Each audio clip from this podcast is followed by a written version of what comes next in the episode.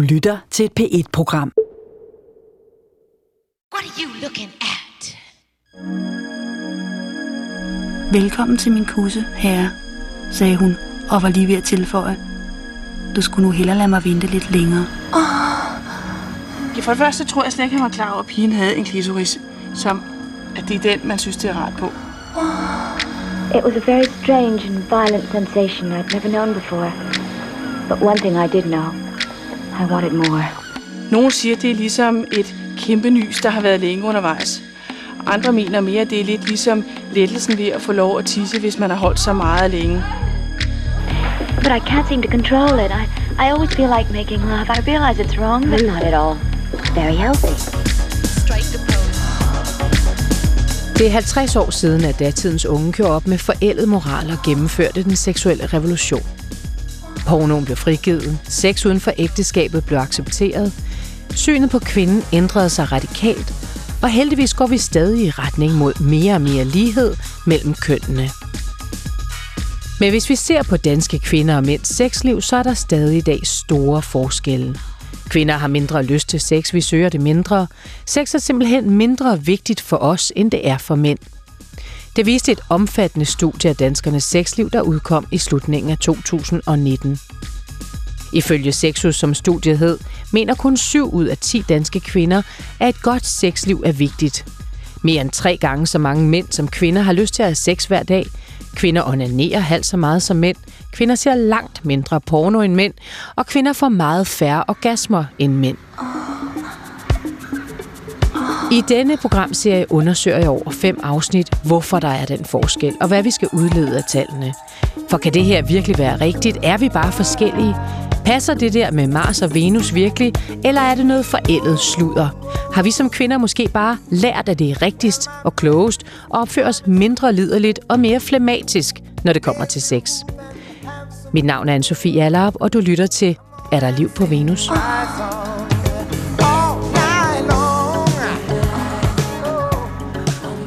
Og i dette sidste afsnit, der spørger vi, hvordan kvinders livsforhold påvirker deres seksualitet. For sagen er, at vi kvinder lever det meste af vores liv i parforhold. Ifølge Sexus-undersøgelsen lever 70 procent af alle voksne kvinder med en partner eller en ægtefælle, og i årene 35 år til 65 år, der lever godt 8 ud af 10 med en fast partner. 90 procent af danske kvinder identificerer sig ifølge Sexus-undersøgelsen som heteroseksuelle. Mindre end en procent som lesbiske, 2,6 procent som biseksuel, og 6 procent oplyser, at de ikke ved, hvad de er, eller det er uafklaret. Der er andre undersøgelser, som viser en større andel af befolkningen som værende lesbiske eller biseksuelle. Men parforholdet, det er oftest heteroseksuelt. Og det er umuligt at komme udenom, hvis man skal finde ud af, hvorfor kvinder er mindre aktive, mindre opsøgende og mindre interesseret i sex end mænd. Og derfor har jeg inviteret dig i studiet, Sara Skorup. Du er forfatter og seksolog. Velkommen til. Mange tak. Hvis man ser på parforholdet som institution, er det så godt eller dårligt for kvinders sexliv? Huh, ja, øh, hvis jeg skal vælge, så er det nok øh, mest dårligt, havde jeg nær sagt. Øh, fordi at der er en, øh, en, når du siger parforhold, så følger der tit en hel pakke med, som jeg kunne måske kalde øh, familiepakken eller voksenlivet i det hele taget. Altså den ramme, som rigtig mange danske kvinder lever i, det være sig en kernefamilie, eller i hvert fald en, et forældreskab, øh, og fast bolig og, og faste pligter, er som udgangspunkt mere drænende, end det er øgende for sexlysten. Hvad er det, der gør parforholdet som til en uerotisk ramme for kvinder? Øh, altså man kan jo sige, at det er jo egentlig bare livets realiteter for rigtig mange, men, men, men det, at vi har øh, så pakket liv, som vi har. Øh, her, herunder mange krav til at være en god mor, at være god på arbejdsmarkedet, være en øh, god kæreste, og veninde og dyrke sport. Hele den pakke øh, gør, at der er meget lidt øh, fokus på faktisk at give øh, frirum og være forpligtningsfri, hvilket for rigtig mange kvinder er en af de ting, der skal til, for at man får overskud til at, at, at føle, at opnå en lyst, der kommer af sig selv. Der er et dansk studie, som øh, viser, at kvinder, der har været i et parforhold i mere end syv år, har en femdobling af risikoen for lav lyst til sex i forhold til kvinder, som har været i et parforhold i mindre end to år. Det vil sige altså, man går lidt død i det der sex undervejs. det samme gælder faktisk ikke i, i lige så stor grad som for mænd, øh, som, som for kvinder. Altså, det vil sige, at mænd kan bedre være lang tid i sådan et parforhold og opretholde en lyst til sex. Hvorfor er det, at vi kvinder går død i det? Øh, Ja, altså noget af det, som vi måske ikke har talt så meget om, det er, øh, altså jeg tror jo ikke på det her med, at kvinder har mindre lyst. Jeg tror, jeg køber simpelthen ikke præmissen, at der er en libido, der er lavere hos kvinder generelt, end den er hos mænd. Men jeg tror, at kvinders lyst er mere følsom. Altså den seksuelle lyst er nemmere at, øh, at forstyrre, eller har nemmere ved at blive øh, gemt under andre ting. Øh, og, og det tror jeg, det er det, vi ser, når når man kan iagtage, at kvinder har høj lyst, relativt høj lyst de første år, og så som tiden går op mod syv år, så er, er den, den dalende. Fordi at øh, mange kvinder oplever, at der er rigtig mange faktorer, der spiller ind på, om de har lyst til at gå i seng med deres partner eller ej. Hvor det ser ud som om, at mænd generelt er mere robuste i deres lyst. Det vil sige, jeg kan egentlig godt synes, du lige har været en strid kælling, men jeg har alligevel lyst til at gå i seng med dig. Og, øh, og de fleste kvinder har en tendens til, at der skal være mange ting, der er i orden, før de har lyst til at åbne sig. Altså for at lægge sig ned og være hengiven med deres mand. Og, det, og hvis der er alt for mange kurer på tråden, eller man er stresset, eller man er bekymret over børnene, så, så er der mange kvinder, der, op, der oplever, at det faktisk gør, at så har de ikke lyst. De, de, har, de har ikke sex i, i hovedet, hvis de er bekymrede eller stresset, for eksempel. Så når de har ryddet op i køkkenet fem dage i stræk, så, så er det ikke der, at man tænker, nu er jeg meget glad for dig, mand? Jo, jeg tænker sagtens, at kvinder tænker, jeg er meget glad for dig, mand, i virkeligheden, men ikke, jeg er liderlig på dig, mand. Altså, mm. det er ligesom to forskellige ting, som også har noget at gøre med, hvad det er for en, en lyst, vi ligesom efterlyser, når vi snakker om at have lyst. Og øh, det er måske en anden snak, men, men tit så, så er der sådan en form for forherligelse af det, man kunne kalde spontan lyst eller akut lyst. Altså det der med, at man pludselig bliver grebet af fornemmelsen af, øj, nu vil jeg gerne have sex, nu er det dig, jeg har lyst til. Øh, hvor, hvor kvinders liv relativt oftere er responsiv. Det vil sige, at de reagerer på, at den anden har lyst, eller der skal varmes op i længere tid, så kommer lysten. Så. Du siger, at man har brug for at træde ud af brandmandsrollen, og det er måske den rolle, man har som mor eller som, som kvinde i, i sådan et voksenliv. Altså, hvad er det for en rolle, man skal træde ud af, for ligesom at finde ind i det seksuelle område? Ja, det, det snakkede vi lidt om øh, tidligere. Og, altså, det er... Øh, der er en, øh, en lærer, jeg følger og bliver meget inspireret af, der hedder Esther Perel, som, som er psykoterapeut og, og alle mulige parvejleder forfatter, som øh, har, har skrevet om øh, noget, hun kalder, øh, hun skriver, women are domestic creatures, og det er jo sindssygt provokerende. Men, men altså det, kvinder er sådan nogle hjemme Er, er huslige skabninger på en ja, eller anden måde, ja. ikke? Og, det, og, øh, og, og her skal lige sige, at hun er altså øh, faktisk øh, er nærmest feminist, men hun, men hun siger, at det er faktisk i en ren seksuel kontekst, at det går hårdere ud over kvinden at være hjemme, fordi at der er noget i vores indre dynamik, der gør, at rigtig mange kvinder har en tendens til at sørge for andre før sig selv. Så, så længe at der er nogen, der har brug for noget i farvandet, så længe der potentielt kunne være et barn, der råber på hjælp, eller en vaskemaskine, der lige skal over i tørretumbleren, eller hvad det er, så er man simpelthen i det gear, der hedder, det tager vi, vi tager os af ting. Og det er det modsatte gear, end at vi giver os hen gearet. Og, øh, og det kan gøre det forholdsvis svært at switche for mange kvinder imellem at skulle udrette noget, hvad vi jo også gør på arbejdspladsen, mm. og skulle nyde noget. Altså det er simpelthen, det, det, jeg giver to forskellige gear at være i, og det der med at flippe fra det ene til det andet, øh, det kommer ikke nødvendigvis så let, særligt ikke, hvis man også er træt, og egentlig ikke har nået alt det, man gerne vil. Og der bliver det ikke en, en måde at slappe af på, det der med sex i sammen. Det kan man faktisk se på sexusundersøgelsen, at det er flere mænd, som sådan ser det som velvære og afslappning, ja. det der sex, end det er kvinder. Det er mærkbart ja. forskel, faktisk. Det gør kvinder ikke? Øh, nej, altså man, man kan sige, at det har nok noget at gøre med de forventninger, vi har til, at de, men også de erfaringer, vi har med, hvad, hvad er det egentlig, man oplever? Hvad er det, man får ud af at have sex? Er det rekreativt, kan man sige? Eller er det i virkeligheden endnu en opgave på to-do-listen, som jeg nogle gange har hørt kvinder beskrive det øh, som, når jeg sidder med folk i praksis, som snakker om, hvad der er svært øh, i det hjemlige sexliv. Altså det bliver ligesom en ting, der også skal gøres, for man ved jo, det er bedst i det lange løb, og han bliver så glad og den slags, så man, så man gør det velvilligt, men det er bare ikke lysten, der driver værket. Altså, det er, det, er en, det er vidstheden om, at det er sundt, og det skal til, og det er, og det er essentielt i et parforhold, og en hel masse forventninger om, hvordan man bør være. Det kommer ikke indfra, det kommer ikke fra kroppen, det kommer mere fra enten en beslutning, eller, eller fra den, der du sagde før, øh, jeg er så glad for ham, altså sådan en kærlighed, men ikke seksuel drift. Kan man ligefrem lave sådan en, en kortlægning af det seksuelle forhold mellem en, sådan et, i et langvarigt partnerskab mellem en, en mand og en kvinde?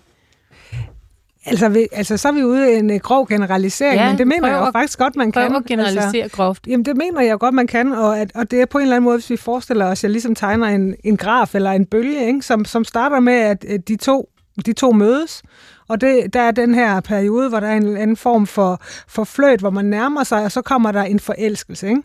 Eller, eller hvor, man, hvor man stadigvæk er usikker på hinanden. Og i den periode, der har parret øh, næsten altid den højeste sexdrift, de nogensinde vil have. Det vil sige, at der går de rigtig meget i seng sammen, har meget lyst til hinanden, og, og signifikant er det, at de faktisk næsten altid har lige meget lyst. Altså, det er ikke kvinden, der har mindst lyst på det her tidspunkt. De har begge to rigtig meget lyst. Og efter forelskelsesfasen, hvis det så ligesom de holder fast, så kommer vi så til forankringsfasen. Og det, et bud kunne være, det er sådan cirka to år inde i forholdet, hvor man så ligesom begynder at æbbe ud af sine forelskelseshormoner, men så bliver man optaget af at danne bo. Måske bliver man gift, måske tænker man på børn, den slags ting. Altså man vælger ligesom hinanden.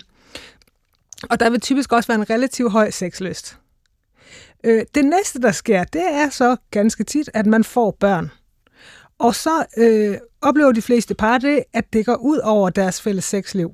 Både fordi det rent praktisk bliver ganske anderledes, men også fordi, at hormonerne på det her tidspunkt er fuldstændig anderledes, end da de mødtes. Øh, Sex-drivet er jo i høj grad sponsoreret af hormoner. Og der sker desuden det, at den lille ny får øh, så meget opmærksomhed. Altså, man går fra at være hin- hinandens number one, til at være, man bliver nødt til at være hinandens nummer to, kan man sige, for num- nummer et, det er jo baby. Og særligt for moren, øh, så ser man tit, at, øh, at der faktisk, man kalder det en erotisering af babyforholdet, fordi, at, fordi hun er så fysisk nær ved den lille. Der er så meget øh, intimitet i den kærlige kontakt, hun har hele tiden med barnet. Hun har jo for øvrigt også båret barnet. Så hun får faktisk dækket rigtig meget af det, som kæresten eller manden plejede at stå for.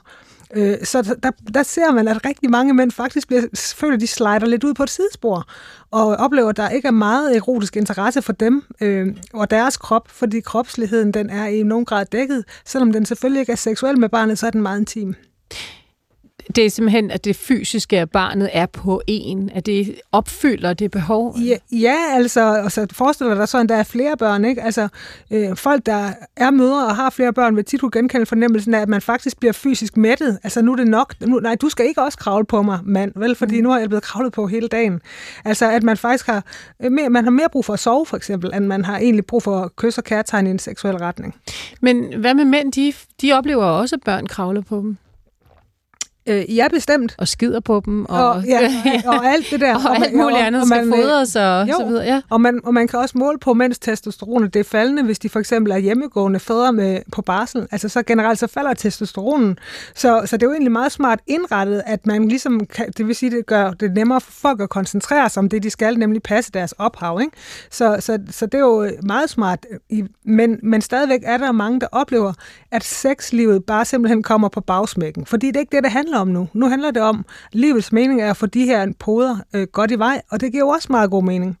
Men der sker bare tit noget i forhold til, at man jo for ikke så længe siden har mærket, hvordan det var at have rigtig godt sexliv. Ikke? Mm. Så er der pludselig en kløft imellem de to ting, øh, som man, når man ikke har oplevet det før, kan blive forskrækket over eller savne, hvilket er helt fair, fordi der hverken er tid, rum eller energi, og måske heller ikke lyst til altså, at, at, at være sammen på samme måde nu. Nu har man jo også valgt hinanden til Mm. på så mange måder, så der ikke er rigtig noget at vinde. Altså man skal ikke vinde hinanden på samme måde. Man har jo virkelig lagt bånd på hinanden, så det spændende begynder også at gøre det. Det er 88 procent af alle kvinder, der er 50, som har fået børn. Ja. Det vil sige, 12 procent har ikke fået børn, men Ja. det vil sige, at et meget stort flertal ja. har ja. Øh, den her erfaring med børn. Mm. Øhm, kan man, du siger, at man kan sige noget generelt om den der børnefaktor, når det kommer til kvinders libido eller erotiske interesse. Altså er det altid et benspænd? Er det umuligt at få til at gå op i en højere enhed? Nej, det er ikke umuligt at få til at gå op i en højere enhed, men det er umuligt at køre på, som var intet, altså for intet hent, havde han sagt. Man bliver nødt til at have en forventningsafstemning eller et reality-check på. Altså, hvad, hvad er det, vi går ind til her? Hvad, hvad, er det, hvad er det, der sker med os to som partner? Vi laver børnedelen, kan man sige. Ikke? Og, øh, og, det, og det er der ikke, egentlig ikke så mange, der er, gode til at brief hinanden på. Det kunne I godt være bedre til at, at snakke om, hvad det er, man så kan forvente. Og tænk, hvis man kunne lave en deal omkring, at okay, de næste tre år, så bliver det måske ikke særlig hot, men så skal vi simpelthen bare være verdens bedste forældre, og så har vi en, aftaler om, at når ungen er tre, så vil vi koste, hvad det vil, genfinde hinanden seksuelt. Sådan kunne man jo godt aftale det. Men i virkeligheden, så, det, så, det, så bliver det tit overhalet af andre ting, fordi nu har vi talt om, børn er små. Når børnene bliver store, så på et tidspunkt, så får forældrene lidt mere tid, ikke? Mm. Så kan de klare sig selv lidt mere, de der børn. Og der kan man sige, der kunne være en lomme til at begynde at bruge mere tid på at genopfriske eutikken, hvis den er gået lidt i stå. Sker det typisk? Øh, ikke, ikke så tit faktisk, fordi det er også en lettelse at pludselig endelig kunne komme i gang med sin karriere igen. Den har måske været lidt på standby. Eller at få set sine veninder, eller få øh, sat gang i sine hobbies og sport og sådan noget. Ikke? Der er mange ting, man gerne vil.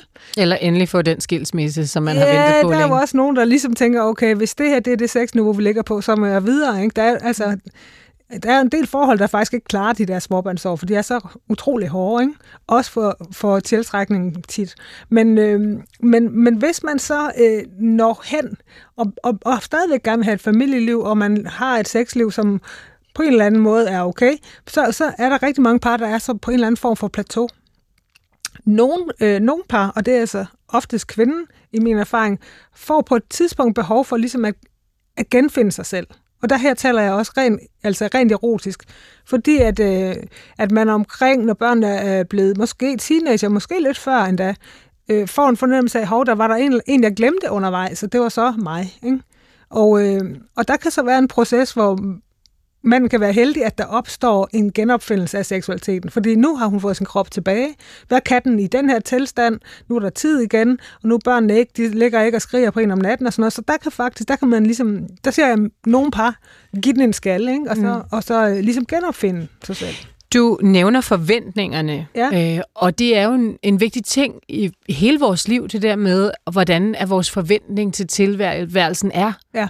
Øhm, og også en stor øh, faktor i vores almindelige glæde, faktisk, vores lykkefølelse, altså hvordan er vores øh, tilværelse spænder af over for den forventningsramme, vi har sat ned øh, om den. Ja. Øh, hvad betyder forventningerne til et godt sexliv for folks sexliv? Jamen, altså, det kan jo både øh, være hjælpsomt og knap så hjælpsomt, ikke? Altså, hvis man har en intention om, at du og jeg, vi skal blive ved med at udvikle os, og jeg, det skal blive ved med at være fedt, jeg vil have, at, at jeg gider gå i seng med dig. Øh, og det er det, vi ligesom giver hånd på og stræber efter, at hvis vi kommer væk fra det, så vil vi gøre, hvad der skal til for at arbejde videre. Så skal man sige, det, det er en fælles forventning eller en fælles intention, som kan være konstruktiv. Men, men desværre så ser jeg ofte, at, øh, at øh, at mennesker er desillusionerede, fordi de har forventninger, som ikke matcher deres reelle virkelighed. Og det kan være forventninger til, øh, øh, at sex skal være rigtig fedt hver gang, for eksempel. At det, eller at det skal være som, da vi var nyere for hinanden. Øh, det kan også være forventninger til, at ens partner kan læse, hvad man har brug for, men uden at man selv rigtig har givet dig forske i, hvad man kan lide, for eksempel. Øh, det er faktisk ret, øh, ret udbredt, at man håber, at den anden kan blive nøglen til, at man bliver forløst seksuelt. Øhm, er det særlig en kvindelig ting? Øh, der er nogle øh, kvinder, som jeg vil sige nærmest er lidt dogne, ikke? Altså, som ind imellem mænd, hvis det øh, faktisk for eksempel ikke onanerer, øh, egentlig ikke kender deres eget underliv, og ikke er særlig interesseret i seksualitet, men kun har sex, når de er sammen med en mand. Altså det, så det er ligesom om det er ham, der skal være øh, det er ham, sexen hænger på her. Det er ham, der leverer sexen, ikke? Han skal være Marco Polo og... Ja, ja, det ja. er det lidt det. Og uden, ja. det, uden det, så er man nærmest ikke erotisk, ikke? Og det, man sige, det, er jo, det er faktisk forholdsvis svært også for nogen som helst at have med at gøre, ikke? Altså, der er jo ikke nogen mand, der kan åbne en kvinde mere, end hun ligesom kan åbne sig selv. Så hvis man har den indstilling som kvinde, altså, så kan der godt blive langt mellem snapsene, kan man sige, ikke? Men, men, for, men forventningerne om, at... Øh, den overordnede forventning, som jeg tror, vi slår os på, det er forventning om, at øh, et, et aktivt sexliv er en livsnødvendig del konstant for, at parforholdet er gangbart. Altså forventning om, at man kan direkte gå ind og læse på samlejefrekvensen, for eksempel, om det her er et godt forhold eller ej. Altså, hvor kompatible er vi seksuelt, at, det, at der er lighedstegn mellem det, og om vi så er gode livspartnere. Mm. For, Hvorfor er det et problem? Fordi at sådan hænger virkeligheden ikke sammen. Altså man kan sagtens have lange tørkeperioder, eller finde ud af, at, at, at den ene er til noget seksuelt, som den anden ikke bryder sig om, og så stadigvæk faktisk være øh, rigtig gode som, øh, altså som kærester, havde han sagt. Ikke? Altså, hvor, øh, for det der med, at vi skal være ens, have lyst til det samme, og have lige meget lyst, nogle gange kan få sådan en forstørret, en forstørret vigtighed, og, og blive en trussel for folk, når de opdager, der, at, øh, ja, ofte at kvindens lyst ikke matcher hans. Så, øh, så hvis man har en forventning om, at det skal det, før det er godt nok, jamen, så kan tanken jo net blive, at så passer vi ikke sammen, og så er han nok på vej videre, eller så er der noget galt med mig. Så det er det idealet, som, altså den ideelle forventning, som er med til at faktisk at spænde ben for, at vi kan blive glade for det, vi har, eller endda turde forske i det, vi har. Ifølge en undersøgelse lavet af YouGov for Metro Express i 2012, den er jo altså lidt, lidt gammel, 8 år gammel, har været syvende danske par slet ikke sex. Ja. Og du siger, det er ikke noget problem i sig selv. Problemet er forventningen til det gode parforhold inkluderer sex. Ja, på, ja, det har jeg jo da vist nok sagt. Altså, jeg kan godt huske, at den undersøgelse der kom frem, og, og, og på sin vis var jeg ikke rigtig overrasket, og på den anden side, så, så det, altså synes jeg, det er nedslående, ikke? fordi øh, altså, fordi at seksualitet er sådan en vital del af livet, når det ellers virker. Ikke? Så, så jeg tænker, at det er et problem. Det er jo kun et problem, hvis den ene, mindst en af de to parter, der er i parforhold, synes, det er et problem. Ja, så har vi et problem, ikke? fordi så, så er der mindst en, der er ked af det. Og hvis den ene er ked af det, så bliver den anden det typisk også. Men hvis to mennesker kan finde ud af, at det er ikke simpelthen ikke det, der binder os sammen, vores intimitet er en anden, så er der jo ingen andre i hele verden, der skal afgøre, om det er fint nok eller ej. Og det tror jeg bare, vi mangler at uh, sætte ord på, at man kan have et skide godt og et bæredygtigt forhold, hvor, hvor man deler nogle andre ting, øh, eller endda udliciterer sin uh, sexlyst til andre mennesker, eller man bliver enige om, at det klarer vi hver for sig øh, i, med solosex, eller hvad det er. Altså, det er faktisk helt okay, og sådan kan man have det, og man kan også have det sådan i perioder, og så finde sammen igen. Øhm. Jeg læste et studie som, med, af folk, som netop par, som, hvor nogen havde sex, og andre ikke havde sex. Ja. Og øh, der bad man parerne om at beskrive, hvor tilfredse de var med deres parforhold, og det var de sådan set, øh, begge grupper var meget tilfredse med deres parforhold. Men så bad man øh, dem om at beskrive hinanden, og så var der altså flere superlativer blandt dem, der havde sex med hinanden, ja. i forhold til dem, der ikke havde sex med hinanden. Ja. Altså, der var sådan en tendens til, at man var varmere i sin beskrivelse af hinanden. Altså har sexen ikke en funktion mellem, øh, mellem to mennesker, der er bor og lever sammen? Jo, eller, øh, jo, det har den jo, når den, øh, når den bidrager med noget godt, kan man sige. Ikke? Altså, den, den har altid en funktion. Det er aldrig ligegyldigt. Og, øh, og man kan sige, jo, det har den. Men, øh, men der er mange måder at, øh, at elske hinanden på, kan man sige. Men, men i forhold til at, at have et sexliv sammen, så er det nærmest, altså det er jo den, den allermest oplagte måde at kommunikere, at man er nær, og at man elsker hinanden, kan man sige. Ikke? Og der, der foregår nogle ting i den rent fysiske intimitet, som vi har svært ved at matche med andre ting, altså lige meget hvor mange kærlighedserklæringer eller gaver eller hobbies vi har sammen. Så det her med at, at blive berørt, altså det gør jo noget ved vores, øh, vores hormonspejl og vores velbefindende, som intet andet rigtig kan, kan hamle op med. Så, så det overrasker mig ikke, at det er det, der bliver til en, en særlig form for hengivenhed mellem parret, om man har det seksuelle samvær.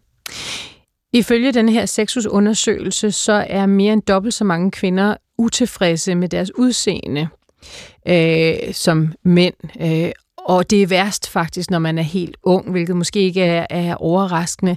Hvad betyder kvinders selvbillede i relation til deres øh, sexliv i et parforhold? Jeg tror for alle mennesker betyder den måde, vi ser os selv på rigtig meget i forhold til, hvordan vi øh, har sex eller udtrykker os som seksuelle væsener. Øhm, fordi sex er også en måde at kommunikere på. Og øhm, altså sådan helt overordnet kan man sige, det er svært at rigtig at, at elske med andre og give sig selv til andre, hvis man dybest set ikke bryder sig om sig selv eller bryder sig om sin krop. Fordi særligt, som du er inde på, så er det, der er en meget høj grad af komplekser, også ja, blandt unge, men faktisk også blandt voksne kvinder. Det er bare nogle, måske lidt nogle andre komplekser. Øhm, så man kan sige, at der generelt er der selvom det er i opbrud en ret smal mar- marken for, hvornår... Øh, altså, de idealer, vi ser for seksuelt attraktive kvinder, for eksempel, vi ser dem i medier, den er, ret, øh, den er ret smal, og der er stadigvæk et billede på, at man helst skal være ung, og man skal helst være slank for at være seksuelt attraktiv, eller faktisk for at have ret til at udtrykke, at man er et seksuelt væsen. Og det kunne man sige, det burde jo ikke have nogen kraft ind i parforholdet, fordi der er man jo sammen med en, der holder af en på trods. Men, øh, men for en del kvinder, så, så er der altså nogle hæmninger der, som øh, i forhold til, hvordan de selv ser ud, og hvor tilfreds de er med sig selv, som kommer ind og spænder ben for det, der foregår i soveværelset.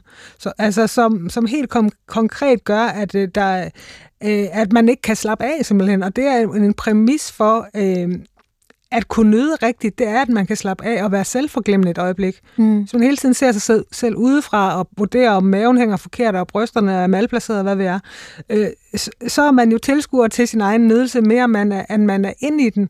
Og det er altså desværre noget, som øh, mange kvinder, også det, de kvinder, der oplever sig selv som lykkelig gift, fortæller mig om, at, at der i virkeligheden kører ret en hård, selvkritisk film, øh, som nogle gange bliver stopklodsen for, at man overhovedet har lyst til at gå ind i det, jeg kunne kalde det erotiske rum, som er mere sådan overordnet, det er ikke soveværelset, men i den erotiske stemning, fordi man der skal konfronteres med sin egen øh, kropslighed, og det er svært.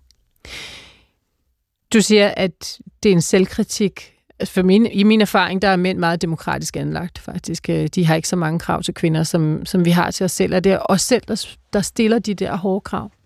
Ja, det er faktisk, øh, det er enig med dig i. Jeg oplever, det er, det er os selv, der spænder korsettet så hårdt. Altså, det er, det er os, øh, der har de hårdeste tanker om os selv. Øhm, langt hen ad vejen, så så oplever jeg, at mænd rigtig gerne bare vil have adgang. Altså, de vil gerne have adgang til den her kvindelige krop og den kvindelige varme, og øh, om er langt mindre sex, øh, eller øh, kropskritiske end kvinder er. Øh, men desværre er det jo sådan, at en, en kvinde, som ikke er tilfreds med sig selv, hun vil også have nogle helt andre vibrationer end en, en nok så, kan man sige, øh, uperfekt i, i traditionelle øjne kvinde er, hvis hun er glad for sig selv, så, sender, så sender hun nogle helt andre vibrationer ud. Så, så, det, så det er typisk, altså man siger kvinde, kvinde værst, men øh, selv blandt kvinder, så er det oftest øh, altså kvinden selv, der er den hårdeste dommer. Hun er tit mere large med andre kvinders krop end med sin egen. Ifølge denne her sexusundersøgelse, så er det halvdelen af kvinder, 49 procent, der oplyser, at det er en motivation øh, for at have sex at føle sig begæret. I det hele taget så er det her med at udvise kærlighed og pleje parforholdet, opnå nærhed med partnerne og føle sig begæret og er troværdig osv. Det er, en, det er meget udbredt øh, som motivation for sex. Men hvad det her med det her med at se øh, sig selv som værende begæret af en mand, hvad er det for en komponent i kvinders seksualitet? Ja, altså det er jo, vi er ude i sådan noget lidt, altså det er jo svært håndgribeligt noget, men øh, Altså, mm, øh, hende her, min, øh, min, min dygtige lærer, Esther Perel, hun siger, at øh, i virkeligheden så er mange, altså at mænd tænder på kvinder, og mange kvinder tænder på, at, at han tænder på dig. Ikke? Altså, jeg tænder på, at du tænder på mig. Altså i virkeligheden er det sådan en form for narcissisme, at man bliver, man bliver tændt af at se, hvor dejlig han synes, jeg er. Altså der, der er en spejling i det, altså, som gør, at, øh, at man kan få bekræftelse på, sit eget værd som kvinde faktisk i den andens øh, øjne mere, end det måske er en ren sanselig nydelse. Der er også der er den her komponent, som, som, som handler om at blive øh, ja, valideret som kvinde i, i den andens øh, begær og føle sig øh, værdsat. Det tænker jeg også, at øh, mænd har, men det, det virker som om, at det er en stærkere drift i mange kvinder, at øh, det her med at blive set, at, blive, øh, at, at, blive, at være genstand for, for lyst og begær. Men øh, det kommer i hvert fald ikke til udtryk i form af utroskab, skal man tro. Øh, Sexusundersøgelsen, øh, de rapporterer, at øh, en fjerdedel af mændene i Danmark har været utro, øh, og kun 14 procent af kvinderne rapporterer til den undersøgelse, at de har været utro i det parforhold, de har. Altså det vil sige næsten, jeg tror det er 24 procent af mændene, der siger ja i det parforhold, jeg er i nu, der mm. har mhm. jeg været utro, hvor det er 14 procent af kvinderne. Så det vil sige, den, den der, det der krav på at, at føle sig set og begæret, det er i hvert fald ikke noget, der sender en ud af parforholdet, eller hvad? Ja, der har jeg jo så, altså der har jeg jo sådan lidt en horn i siden for det der. Ikke at jeg sådan skal sige, at øh, jeg skal afvise, at, at sexus har styr på sine ting. Selvfølgelig har de det, men vi ved bare, at når det kommer til øh, spørgeskemaundersøgelser, også selvom de er anonyme, når det handler om sex, så, øh, så opfører mænd og kvinder sig anderledes, når de svarer. Mænd lyver sig mere seksuelle, og mere bad boy kvinder gør det modsatte. Stadigvæk. Altså, det er set gang på gang, og det er primært de amerikanske undersøgelser, men vi har jo de samme, stadigvæk de samme myter om, hvad der er en rigtig mands seksualitet og en rigtig kvindelig seksualitet, som vi ikke er sluppet af med i Danmark endnu, selvom vi er øh, måske et af de mest frigjorte lande i verden, øh, hvor der er et loft for, hvad en kvinde egentlig kan tillade sig. Så mit bud vil være, at selv her, der runder øh, kvinderne ned, og, og mændene runder op, når de skal fortælle, hvor meget de har været ude omkring. Og øh, så, så jeg tror, ja, mit bud vil være, at de tal ikke er præcis. Plus, at øh, man kan så spørge, hvad er det at være utro? Fordi hvis vi taler om, altså at man simpelthen har samleje med andre end sin faste partner, uden at ens partner har givet lov, for eksempel, det mm. kunne være mhm. en måde, jamen så kan du nok have ret i, at der er flere mænd, der er ude og, og, og have den oplevelse. Men øh, min oplevelse er, at kvinder har nogle andre ting kørende ved siden af, som muligvis ikke ender i samleje, men som de i hvert fald får en masse bekræftelse, en masse lir ud af. Og det kan være sådan noget som øh, fløjt på jobbet, det kan være øh, ting, der går lige til grænsen, men aldrig bliver til et samleje. Øh, øh det kan være øh, nogle meget he- øh, hede chats, de kører, øh, selvom de har en fast partner, som ikke må vide noget om det. Altså at, at øh, det kan godt være, at det aldrig kommer til en, en, hed, en hed affære, der er lang, eller et samleje, men at der er masser af seksuel udveksling for nogle kvinder, men som ikke bliver fanget i spørgeskema.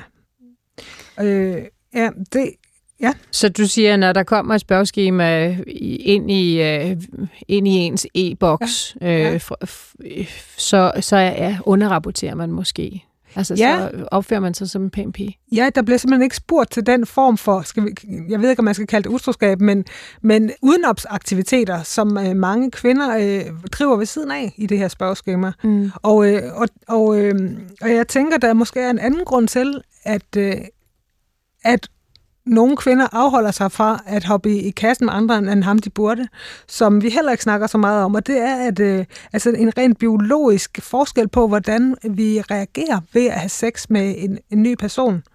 Og, og, øh, og det handler om, at mange kvinder faktisk, øh, hvis de bliver forgabt i nogen, fascineret af nogen, og øh, forfølger den til at gå i seng med dem, vil opleve at blive følelsesmæssigt hugt på en anden måde end mange mænd.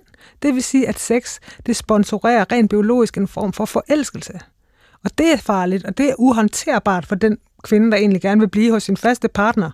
Øh, så, så, så hvis hun har den i hvert fald sådan intuitiv forståelse om sig selv, at hvis man først knaller med nogen, mm. så, så kan det tage magten fra en, så kunne det også være en, et bidragende faktor til, at holde sig på måtten ja. på den sidste bane. Ikke? Ja. Hvor, øh, hvor ikke man, gå helt over stregen. Ja, hvor, ja, som man siger over stregen, ikke? Mm. Hvor, hvor, hvor igen meget generaliserende, men en del mænd har noget nemmere ved at, øh, at adskille tingene. Altså der er hende derhjemme, som jeg elsker, og så er der hende derovre, som jeg gerne vil sænge med. En af de øh, ting, man kan læse ud af sexusundersøgelser, og man også kan læse ud af en masse andre undersøgelser, det er, at kvinder ikke opnår en orgasme i, øh, når de har sex med mænd øh, i særlig stort omfang, nogle 60 procent, og at mænd opnår orgasme i nogle 90 procent øh, af tilfældene. Det er sådan meget standard. Det er også noget, der bekræftes af andre studier. Det vil sige, at kvinder kommer simpelthen ikke øh, i særlig stort omfang. Hvad betyder det, at den funktion øh, ligesom ikke, øh, at den er fraværende i et samleje for mange kvinders vedkommende? Ja, altså man kan sige, at orgasmen, hvis vi nu tager den som højdepunktet på et samleje, hvad det er for mange, ikke? altså man kan sige, det er der, man ligesom har et klimaks, jamen så vil det jo sige, at, øh, at mange kvinder ikke automatisk når det klimaks, når de har den seksuelle kontakt. Det vil sige, at de bliver snydt for bonusen, havde han nær sagt. Og, øh, og, og det giver den kropslige erfaring, at den måske nok er meget rart, men, øh, men, men ikke, det sætter ikke det samme øh, af, aftryk, øh, som det gør, når en mand for eksempel, eller, eller en kvinde, hvis hun kommer hver gang. Fordi så har man simpelthen øh, ligesom det spor i kroppen, der siger, ah, det her det er en dejlig aktivitet. Det fører til den her form for ekstase, eller nærhed og afslappning, og hvad man nu får ud af det. Men hvis man har sex gang på gang, uden egentlig at nå op på sin kan man sige, ophidselsens tænde, altså uden at blive helt vildt tændt, så er det ligesom det, kroppen husker. Og så kommer man ned i en øh, form for negativ spiral, fordi det bliver mindre motiverende at gå derhen. Altså, vi har simpelthen dalende lyst. Så altså, man kan sige, halvgod sex, dalende lyst. Ikke? Mm. Øhm, så det har der stor betydning. Det er jo det, man kalder orgasmekløften, at der er så stor forskel på, hvor, hvor, hvor tit kønnene kommer. Og her taler vi altså om ved samleje. Hvis man taler med lesbiske, så tager de jo ligesom deres orgasmer, og de får også rigtig mange i Ja. forhold til øh, heteroseksuelle kvinder. I heteroseksuelle forhold, der er det tit, som vi også har været inde på før, øh, lidt som om, at manden skal give en den der orgasme, at man tager den ikke selv. Ja. Er, det, er, er det noget, som du hører i din praksis, og er, er det problemet, at vi ikke ligesom selv ligesom tager ejerskab på den øh, nydelse, det også er at være i seng med et andet menneske? Ja, altså for nogle, for nogle kvinder kan det godt lidt være problemet, at man laver det, man populært kan kalde søstjernen, at man bare lægger sig ned og forventer at blive betjent. Men, øh, men i virkeligheden, så er der utrolig mange faktorer på spil her. Altså, der er jo også, lad os sige det som, der er utrolig mange dårlige mandlige elskere derude. De ved jo ikke, hvad der er op og ned. Altså, så, så de simpelthen ikke, hvis kvinden ikke viser dem vej, så, så kommer der ikke rigtig, der kommer der ikke rigtig noget særligt spændende ud af det. Men i virkeligheden tænker jeg, at det, der er allermest øh, ærgerligt her, det er, at der er sådan et overfokus på samleje, som ligesom det saliggørende. Altså sex er jo meget andet end samleje. Det er som om, at det, at det stadigvæk, der er sådan lidt en freudiansk rest med, at, at, at, at bare at, at manden er oppe i kvinden, så skal det gerne kunne blive så dejligt, at englene synger, og så kommer de samtidig. Men det er altså en illusion for rigtig mange kvinder. Der er rigtig mange kvinder, der slet overhovedet ikke kan komme af at få en penis op. Mm. Hvor der skal noget andet til. Og det, det andet, det er altså, at man bliver stimuleret på klitoris. Og det kan jo ske på med hænderne og med fingrene, og man kan selv gøre det, og der kan komme redskaber ind og alt muligt. Men hvis man hvis man aldrig rigtig har fået snakket om det der, eller hvis man faktisk ikke rigtig er klar over, at der er andre variationer, som er lige så gangbare, jamen så er man jo stok ved den der sådan lidt halvhjertede ting, hvor man måske bliver 80% tændt, og så er det det. Det der sprogløshed, Ja. er det lige udbredt øh, blandt mænd og kvinder? Sprogløsheden omkring, øh, hvad har jeg lyst til, hvad er det, vi gør, hvordan kan vi det blive bedre? Ja, altså, det, det er jo lidt svært at sige, kan man, altså det, jeg tror mere, det er, altså det, enkelte parforholds kultur, altså kan man nærmest sige, for hvor, hvor god man er til at, at snakke om, om det her, altså, mm, altså, men jeg oplever, at Mm, vi har, vi har fået ørnetudet fuld af, fuld af, at kvinder er sådan nogle sofistikerede skabninger, og det er sådan noget, uh, sådan noget fint følgende noget, det der dernede, og der er så mange muligheder. Men altså derfra så til at få sådan noget håndgribelig rådgivning om, hvad vi så gør med det, altså, øh, altså det får vi jo ikke i seksualundervisningen. Og man skal også være en ret åbensindet og frivol veninde for at faktisk at udveksle tips om, hvordan ens kønsdel de virker. Så, så det er altså op til os hver især et at turde snakke om, men to også at turde give udforske det. Det er rigtigt, vi taler faktisk ikke særlig meget kvinder Nej. imellem om de der tekniske Nej, funktioner, der er vi mellem ikke. benene på os. Altså, Nej. Og det er sådan, Vi øh, taler en del om mændene, hvad der er mellem benene på dem. Vi taler ikke så meget om, hvad der er mellem benene på os selv. Øh, nej, altså der er ligesom om, der, øh, der er sådan, øh, der er sådan noget skygge der, ikke? men det er nærmest lidt ligesom, den starter allerede, hvor vi er små, hvor, man, hvor drengen har en, tissemand, og, og pigen har bare sådan en revne, ikke? Altså den bliver ved med at være sådan lidt noget, ja, så en tissekone, det er da også et trælsord, og sådan, ikke? Altså, hvor det sådan, der, der er ligesom om lidt mindre fokus på det der, som i, virkelighed, i virkeligheden, øh, altså den, den er også skjult, og det synes jeg, vi bliver ved med ligesom at, at, at ikke at trække frem, hvad, hvad der er muligheder i forhold til at have glæde af sit køn. Og for at kunne gøre det, så bliver vi jo nødt til at kunne udveksle og gide undersøge det. Øh, og det kan man jo også bede sin partner om, men det er der simpelthen mange, der ikke gør, fordi de tror, at han føler sig som en dårlig elsker, hvis de ikke kommer af, at man bare boller. Og så er vi så tilbage til det, som, som jeg jo nok egentlig mener er trist, men som andre vil synes ikke er noget problem. Nemlig det, at andelen af kvinder, som ønsker sex dagligt, progressivt falder ret voldsomt igennem livet. Det starter med at være næsten en fjerdedel, som, øh, som siger, jeg vil gerne have sex hver dag. Det er de 15-24-årige. Øh, og når man når op i 35-44 års alderen, så er det faldet til godt hver tiende. Går man yderligere 10-20 år frem, så er det kun 3%, som ønsker sex en gang om dagen. Så det ligner nærmest en, en naturlov, og faktisk så kan man se den samme progressivitet i forskellen på mænd og kvinder, der ønsker sex hver dag. Den stiger også proportionelt igennem hele livet. Øhm, er det sådan, altså er det her bare, øh, er det noget, der kan repareres, tror du? Eller er det et problem? Mm, altså, hvorfor skal man have sex hver dag, for at have lyst til at spørge, for det, for det godt nok? Altså, det er lidt som om, at det, det synes jeg, jeg skulle at sætte barnen ret højt. Hvorfor ikke hellere bare have noget dejligt sex? Hvor, hvor, skulle, måske skulle det være det, man gik efter, ikke? Og ikke så meget, ikke så meget øh, kvantiteten. Altså, jeg, jeg, jeg tænker jo tit, når jeg sidder med et par, at øh, i virkeligheden, så synes jeg sgu mange mænd er rimelig nøjsomme. De vil bare gerne, altså de vil gerne bare kunne gå i seng med deres koner. Og det er okay, hvis det kun er en gang om ugen, eller, bare, eller to gange om ugen, vil det være fantastisk. Ikke? Og, øh, og, men, men altså jeg oplever sådan set, at, at mange kvinder i virkeligheden øh, lukker af, fordi den sex, der er mulig, eller hun anser som tilgængelig, den er for ringe. Altså, det, det, altså, hun siger, jeg tror, at mange af de kvinder, som oplever, at de taber lysten, de, altså inde i dem selv er der en seksualitet, og de har også, mange kvinder har et sexliv med sig selv, eller et fantasiliv med sig selv, men de anser simpelthen ikke det som muligt at dele øh, deres indre univers fuldt ud med deres partner. Der er jo i hvert fald noget, der tyder på, at trods at vi ikke kommer særlig meget, øh, trods at vi øh, ikke har øh, så meget lyst og opsøger det så meget, ikke er så utro og så videre, at vi faktisk er rimelig tilfredse. Næsten 60 procent øh, mener, at deres sexliv er godt eller særdeles godt. Altså det vil sige, at vores forventninger øh, matcher øh, det, der er, er realiteten i rimelig høj grad. Skal man bare lade kvinderne være med deres lave sexdrive? Yes.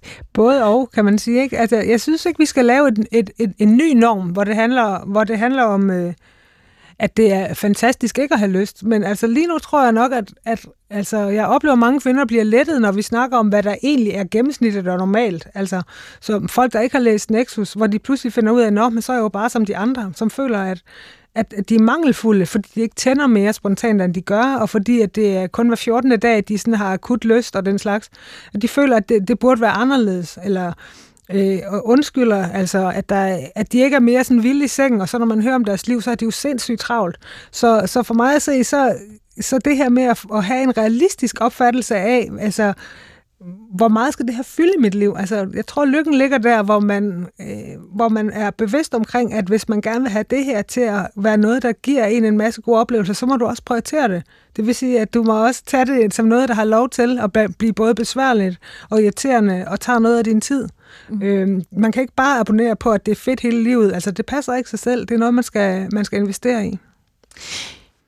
Sara Skorp, jeg spørger alle, som jeg har interviewet i denne her serie, hvad de egentlig mener, grunden er til denne her forskel på mænd og kvinders øh, interesse i øh, søgen efter sex.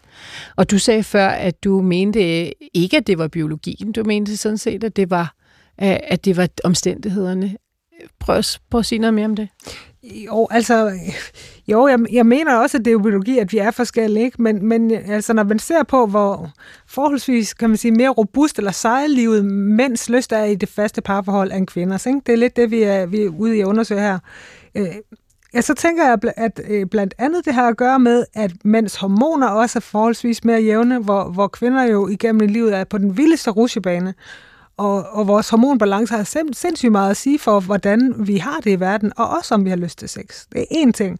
Og øh, så tænker jeg, at det har meget at gøre med vores kulturelle prægning, altså det her med vores forventninger, men også vores forventninger til os selv. Altså, hvad, hvorfor en kvinde er det, jeg gerne vil være, og hvad kan jeg leve op til at være? Og hvad synes jeg er vigtigst? Altså, hvad ryger nederst på ranglisten, hvis det, jeg skal opfylde for at være den, jeg gerne vil være, øh, ryger op? Altså for eksempel at være en god mor, eller noget mål med et eller andet med karrieren jamen så kan jeg ikke øh, også, så har jeg ikke energi til det andet, for eksempel. Det tænker jeg øh, også er en faktor. Og så, øh, ja, så er der en lille, lidt ubekvem ting, som, som også er, at øh, altså, den her undersøgelse, den tester på utroskab, og den tester på samlejefrekvens i faste forhold. Men øh, min reelle oplevelse er, at der faktisk er rigtig meget lyst i kvinderne i faste forhold. Det er bare ikke altid deres faste partner. Det vil sige, at man måske har lyst til andre mænd, man handler ikke nødvendigvis på det, fordi man har en moral, der siger, at det skal man ikke. Og man ved godt, at det er klogest at blive hjemme, men der er masser af lyst, som er forbundet med, med nogen, som man ikke har en historie med, hvor det i princippet kunne være uforpligtende, hvor, altså, hvor der er den her mere nye energi på, i hvert fald i, i tankeuniverset. Så, så lysten er der. Opgaven er i virkeligheden bare at få givet fri til, at den også kan udspille sig på de øh, hjemlige laner. Sara Skåb, seksolog og forfatter. Tusind tak, fordi du kom. Selv tak.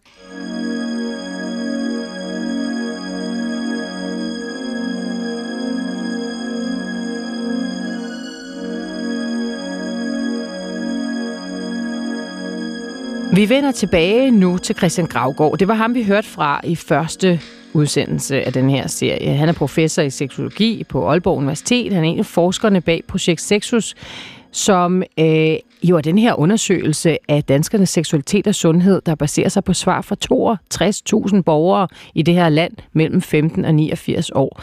Det er en undersøgelse, der er lavet i et samarbejde mellem Statens Serum Institut og Aalborg Universitet. Hej med dig, Christian. Hej igen. Siden vi snakkede sammen sidst, der har jeg talt med et hav af mennesker. Mm.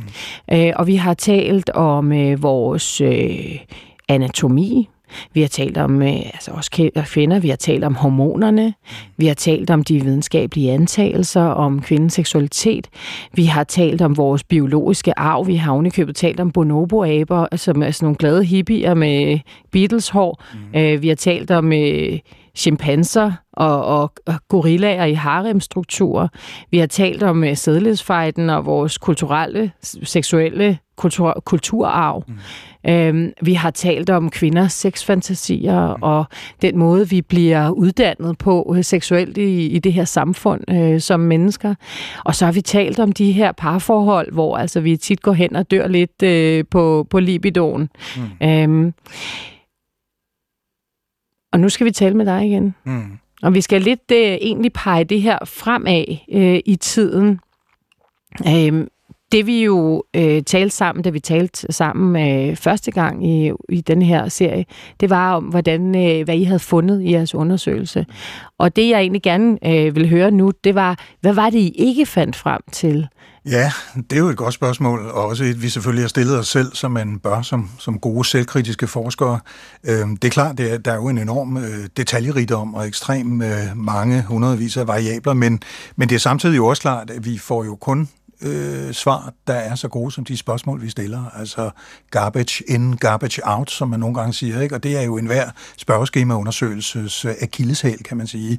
At man, øh, at man kun får svar på det, man spørger om, og at man kun ligesom lægger op til besvarelser, som, som kan rummes af de svarkategorier, man giver. Ikke? Så, så derfor er der selvfølgelig altid spørgeskemaundersøgelser noget, der går til, til spille, nogle nuancer, nogle nogle dybder, øh, noget struktur og et spor af den enkelte kvindes levede liv, om du vil, og de strukturer og systemer, hun nu engang er en del af, fordi seksualitet jo, som vi var lidt inde på i den første udsendelse, ikke alene bor i kroppen, men også bor i relationerne og i kulturen. Ikke? Det kunne vi godt tænke os at vide noget mere om, altså nuancerne. Hvad ligger der egentlig bag? Hvad ligger der nedenunder de øh, kvantitative afkrydsningssvar, som kvinderne har givet? Den anden ting, jeg lige har lyst til at nævne, hvis vi skal være lidt... Øh, selvkritiske her, det er jo, at godt nok er Projekt Sexus øh, verdens største forløbsundersøgelse. Det, der på videnskabssprog hedder en kohorteundersøgelse eller en prospektiv undersøgelse. Det betyder bare, at vi har mulighed for og har tænkt os på individplan at følge op i løbet af de kommende år i det omfang, at fondene er gunstigt indstillet over for, for os, og det håber vi selvfølgelig, de er. Men det her var jo første undersøgelser, og derfor havde den karakter af det, der hedder et tværsnitstudie. Og som enhver, der ved lidt om den slags, øh, vil vide, så er et tværsnitstudie øh, godt til at øh, vise nogle sammenhænge, men det er utroligt dårligt, for ikke at sige helt ude af stand til at vise årsagssammenhænge. Øh, det, så vi ved ikke øh, om de sammenhænge, de korrelationer, vi har fundet, om det også er kausaliteter, altså hvad der betinger hvad, og hvad der giver øh, anledning til hvad. Og det får, håber vi jo at få meget mere videre om i de, fra, i, i de kommende øh, undersøgelser, som vi forhåbentlig skal lave over de næste mange, mange 10 år. Og lige præcis vedrørende de her kausaliteter, vi har jo hørt som sagt i den her serie om seksuelt fremmedgjorte kvinder, om presset fra dagligdagen, om de små børn, om livet med den samme faste og meget kendte øh, partner, som kan gøre, at nogle kvinder simpelthen kobler ud og fra på øh, det seksuelle. Hvad mangler vi at vide, når det kommer til at afdække kvinders øh, sådan mangel på lyst til øh, og interesse for sex?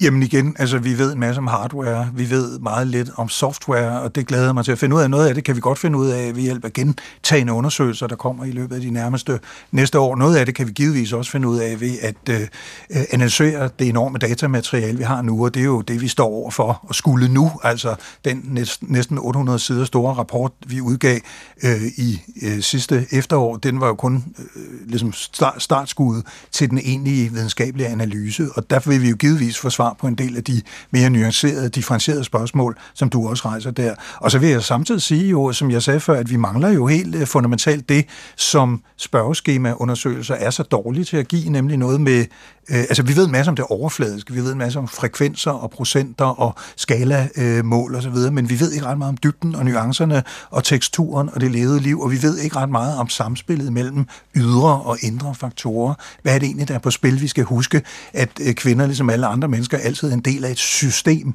og ingen seksualitet er en ø, ingen seksualitet udspiller sig eller øh, øh, eksisterer i et vakuum. Altså, det er altid, det giver i virkeligheden ingen mening at tale om, om et menneskes seksuelle liv eller et menneskes seksuelle adfærd. Det må altid ses som noget relationelt, et samspil med andre. Og det er øh, svært at indfange i, i, i en spørgeskemaundersøgelse. Der skal man have konteksten, partnerne, øh, opvæksten, alt det andet med. Og det øh, kunne man for eksempel øh, øh, få lidt mere at vide om ved at lave nogle interviewundersøgelser, det vi kalder kvalitative undersøgelser. Det ville være vidunderligt, hvis øh, der var øh, øh, risikoparate fonde derude, der synes, at det var spændende at få en kvalitativ overbygning på det her store, flotte, kvantitative øh, øh, stykke forskning. Gennem denne serie er det også blevet klart, at vi kvinder har dårligere kontakt til, hvad der foregår mellem benene på os af impulser. Øh, vi går også til et samleje med en bredere forventning end mænd, øh, i den forstand, at det handler om mange andre ting end vores egen nydelse. Øh, og så, er vi noget dårligere til at opnå orgasme, som vi også har talt om i første afsnit, når vi endelig har fundet sammen med en mandlig partner. Mm. Med en anden kvinde går det jo altså meget bedre. Vi har fundet ud af, at der er utrolig meget, øh, vi ikke ved om den her kvindelige seksuelle funktion, altså den her orgasmefunktion. Hvordan vil du formulere det, som vi ikke ved om kvindens øh, orgasmefunktion?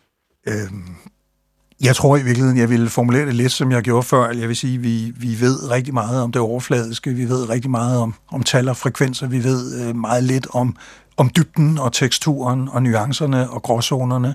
Øhm, og derfor kan man jo i en vis forstand øh, sige, ligesom god gamle Sigmund Freud, at øh, kvinders øh, seksuelle univers er et, er et, hvad var det, han sagde, et mørkt kontinent eller noget i den retning. Det gælder til dels også mænds øh, seksuelle univers, men der er rigtig meget, vi ikke ved, og som, som alle gode forskere er vi jo ikke skræmt af uvidenhed. Det er jo det, der dybest set driver os, og derfor er vi jo også glade for og helt bevidste om, at for hvert øh, svar, vi får, så rejser der sig 100 nye spændende spørgsmål. Kan man forske i, altså kan man opnå støtte til forskning i kvinders nydelse? Når det ikke er negativt defineret, når det ikke handler om uh, sygdomme eller sådan noget, men altså sådan ren øh, mm. rent positivt defineret? Det må jo komme ind på en prøve, det håber jeg. Øh, jeg har lyst til at sige ja selvfølgelig, men kan godt mærke, at, øh, at mange års bitter erfaring har får mig til at give et lidt mere nedslående svar, nemlig at det er nok svært. Altså det er svært generelt, som jeg sagde før, at fonde, at fundraise, at øh, skaffe midler og ressourcer til, til øh, seksologisk forskning, men, men specielt når det handler om de positive dimensioner af seksualiteten, øh, så er det ganske meget op ad bakke, ikke kun når det handler om kvinder, men også når det handler om mænd. Vi er ret gode til, eller fondene kan til nød se en pointe i at støtte forskning, som handler om belastning og risici, risikofaktorer, traumer og den slags, altså sexsygdomme, og sex, øh, seksuelle øh, øh, overgreb og alt det der, og dets indflydelse på vores øh, generelle trivsel og velvære og sundhed. Men når vi vender øh, perspektivet om og kigger lidt på de positive aspekter, i hvor høj grad kan seksualiteten være en berigende og meningsgivende øh, og måske raskhedsgenererende del af vores liv, så lægger det straks øh, noget tungere. Så, så jeg har virkelig lyst til at sige ja, men mit, øh, mit mere nedslående svar er nok, øh, skal vi sige, måske. Hvis dig og mig sidder i det her studie, Christian Gravgaard, i DR-byen om 10 eller 15 år, hvad tror du så, at vi vil tale om, når det kommer til kvinders seksualitet? Åh, oh, nu synes jeg, jeg har sagt så meget negativt i alt, hvad du næsten har spurgt mig om, fordi der er til meget negativt at tale om, så nu har jeg virkelig lyst til at slutte på en opmuntrende note her. Og, og derfor kunne jeg jo godt sige, at vi sidder og snakker om problemer og dysfunktioner og udfordringer og traumer og øh, ned af bakkeheder af forskellige art. Men jeg har så lyst til at sige, at jeg tror, og jeg håber, og ja, tror faktisk også, at vi kommer til at sidde her i lyset af en helt ny, ung, fremadstormende kvindegeneration, som er uforskrækket, frigjort, måske lidt queer-inspireret på en god måde. Ikke en sur måde, men en god og konstruktiv og innovativ måde.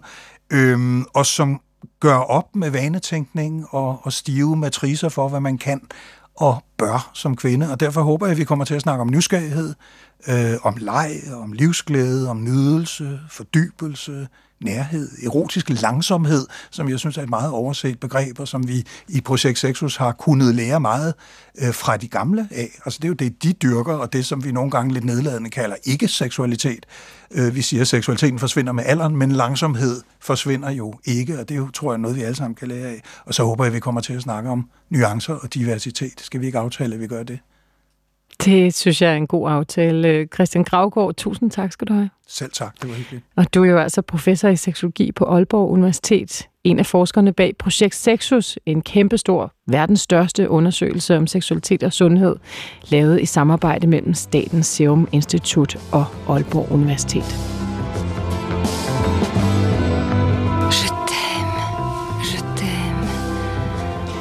Jeg er blevet klogere gennem denne serie. Jeg startede med at tænke, at det var for dårligt, at der er så stor forskel på mænds og kvinders sexliv i dagens Danmark.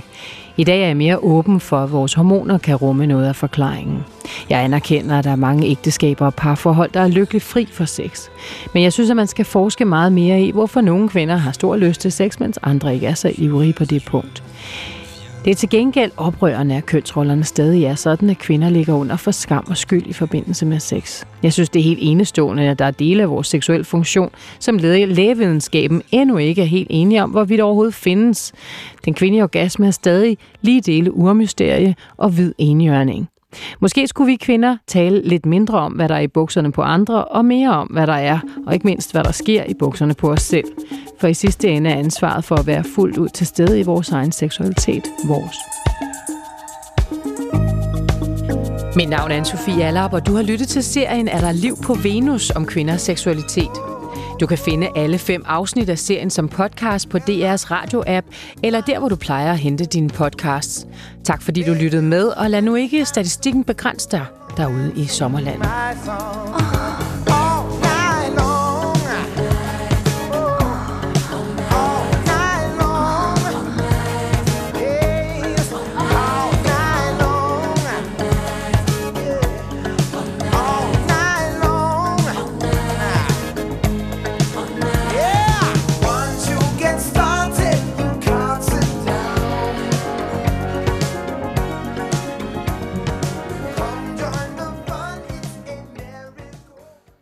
Du kan finde alle P1-programmer på dr.dk-p1. Det giver mening.